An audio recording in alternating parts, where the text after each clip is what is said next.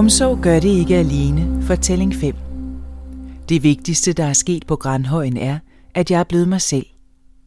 Christoffer, 24 år, bosat på Grandhøjen i tre år. En kæmpe sejr for Christoffer.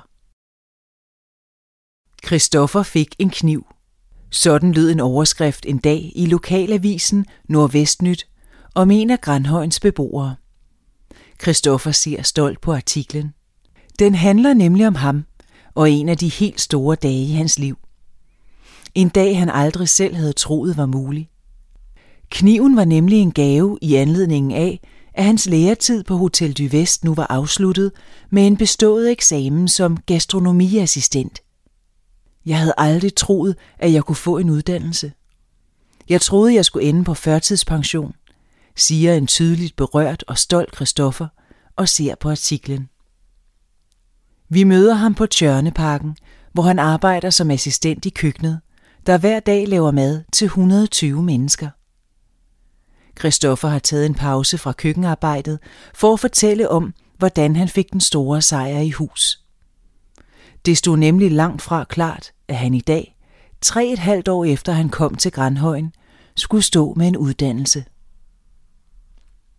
Inden var gået flere år, hvor Christoffer var blevet mere og mere syg, og til sidst måtte opgive sin uddannelse til pædagogassistent. Jeg vil gerne være pædagog. Jeg er god til børn, god til at motivere og lave aktiviteter med dem. Derfor gik jeg efter skolen i gang med en EGU som pædagogassistent. Jeg var glad for studiet og god til det.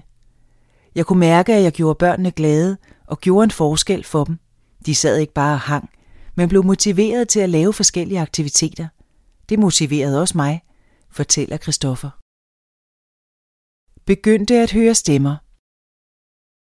Men selvom Christoffer holdt af jobbet og var god til det, blev han oftere og oftere nødt til at melde sig syg. Jeg fik det langsomt mere og mere psykisk dårligt. Det startede med, at jeg hørte visken for ørerne. Jeg vidste ikke, hvad det var, og hvordan jeg skulle håndtere det. Jeg tænkte, hvad sker der? Er jeg ved at blive sindssyg?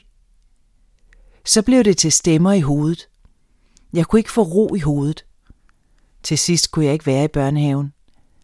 Jeg blev mere og mere syg af at være der, og ringede til sidst og meldte mig syg, fortæller Christoffer, som havde svært ved at finde forståelse for sin sygdom fra både familie og venner. Jeg så jo ikke syg ud. Jeg har kæmpet med venner og familie, der ikke kunne forstå, at jeg er syg. De troede, jeg var doven og ikke gad arbejde.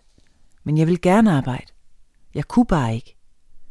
Man kan ikke altid se, hvad der er på den anden side af et menneske. Det var virkelig hårdt, at der ikke var nogen, der troede på mig. I dag har jeg det sådan, at hvis andre ikke kan forstå, at jeg er syg, så skal de ikke være en del af mit liv. Min familie forstår i dag min sygdom.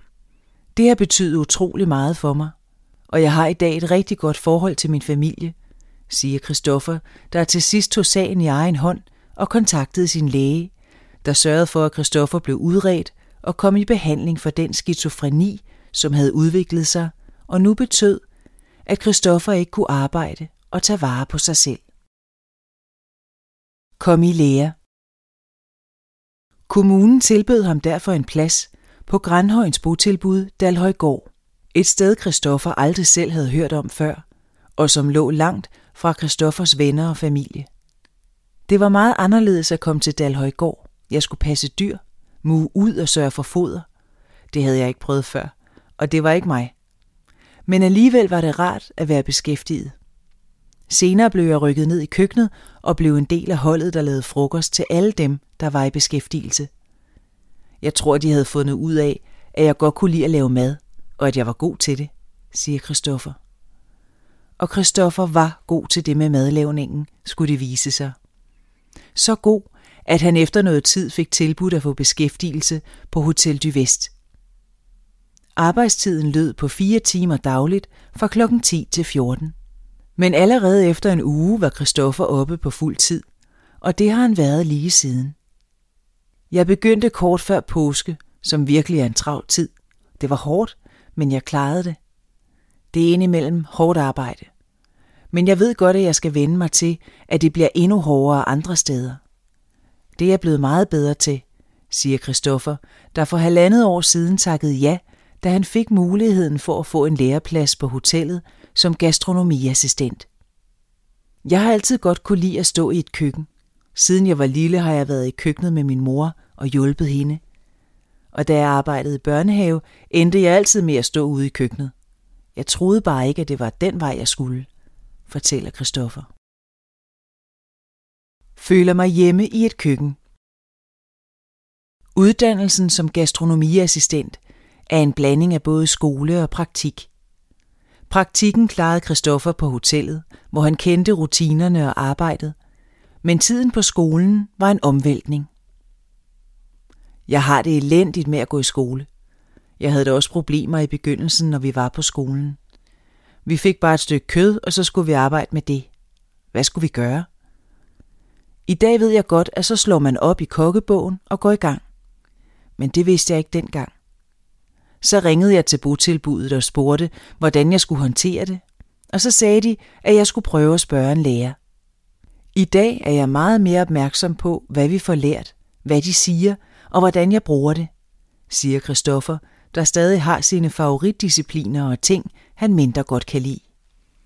Jeg føler mig hjemme i et køkken. Jeg ved, at jeg har evner og tanker at byde ind med. Men jeg kan stadig ikke lide at lave konklusioner, hvor man skal udregne, hvor meget det skal koste for andre. Det her med matematik og eksempelvis regne spild ud, det kan jeg ikke lide. Men at lave maden og høre andres respons, det gør mig glad. Så skal man også være klar til, at der kan komme kritik ind imellem. Sådan er det. Det må man tage med, siger Christoffer, der oplevede, at der var stor forskel på, hvordan lærerne på skolen og så Jesper, kokken på Hotel du Vest, motiverede ham til at arbejde. Har fået succesoplevelser. Jesper er meget anderledes, end de er på skolen. Han er god til at håndtere mig. Han siger, kom nu i gang, kom nu, mens de på skolen bare forventede, at man gik i gang. Jesper kan godt være hård, men han er utrolig god til at motivere og få folk i gang. Og jeg ved jo godt, at de gerne vil vende mig til, hvordan det kan være ude på en arbejdsplads. De vil gøre os robuste. Sådan er det i den virkelige verden. Bare dobbelt så hårdt, siger Christoffer. 17. oktober 2018 kunne han så endelig sætte et punktum for uddannelsen og kalde sig gastronomiassistent, eller kokkens højre hånd, som han selv kalder det. Måske vil han på sigt uddanne sig videre, så han en dag selv er kokken, men ikke lige nu. Det vigtigste, der er sket på Grandhøjen, er, at jeg er blevet mig selv. Jeg har fået succesoplevelser, fået den rigtige medicin mod min sygdom, og så har jeg fået selskab og forståelse. Beskæftigelsen har været en stor del af det. Selvom det har været hårdt, havde det været meget værre bare at lave ingenting. Det har været sådan en trappe af små succesoplevelser, siger Christoffer og kigger igen på artiklen om hans beståede eksamen. Det er helt vildt. Det er en kæmpe sejr, siger han.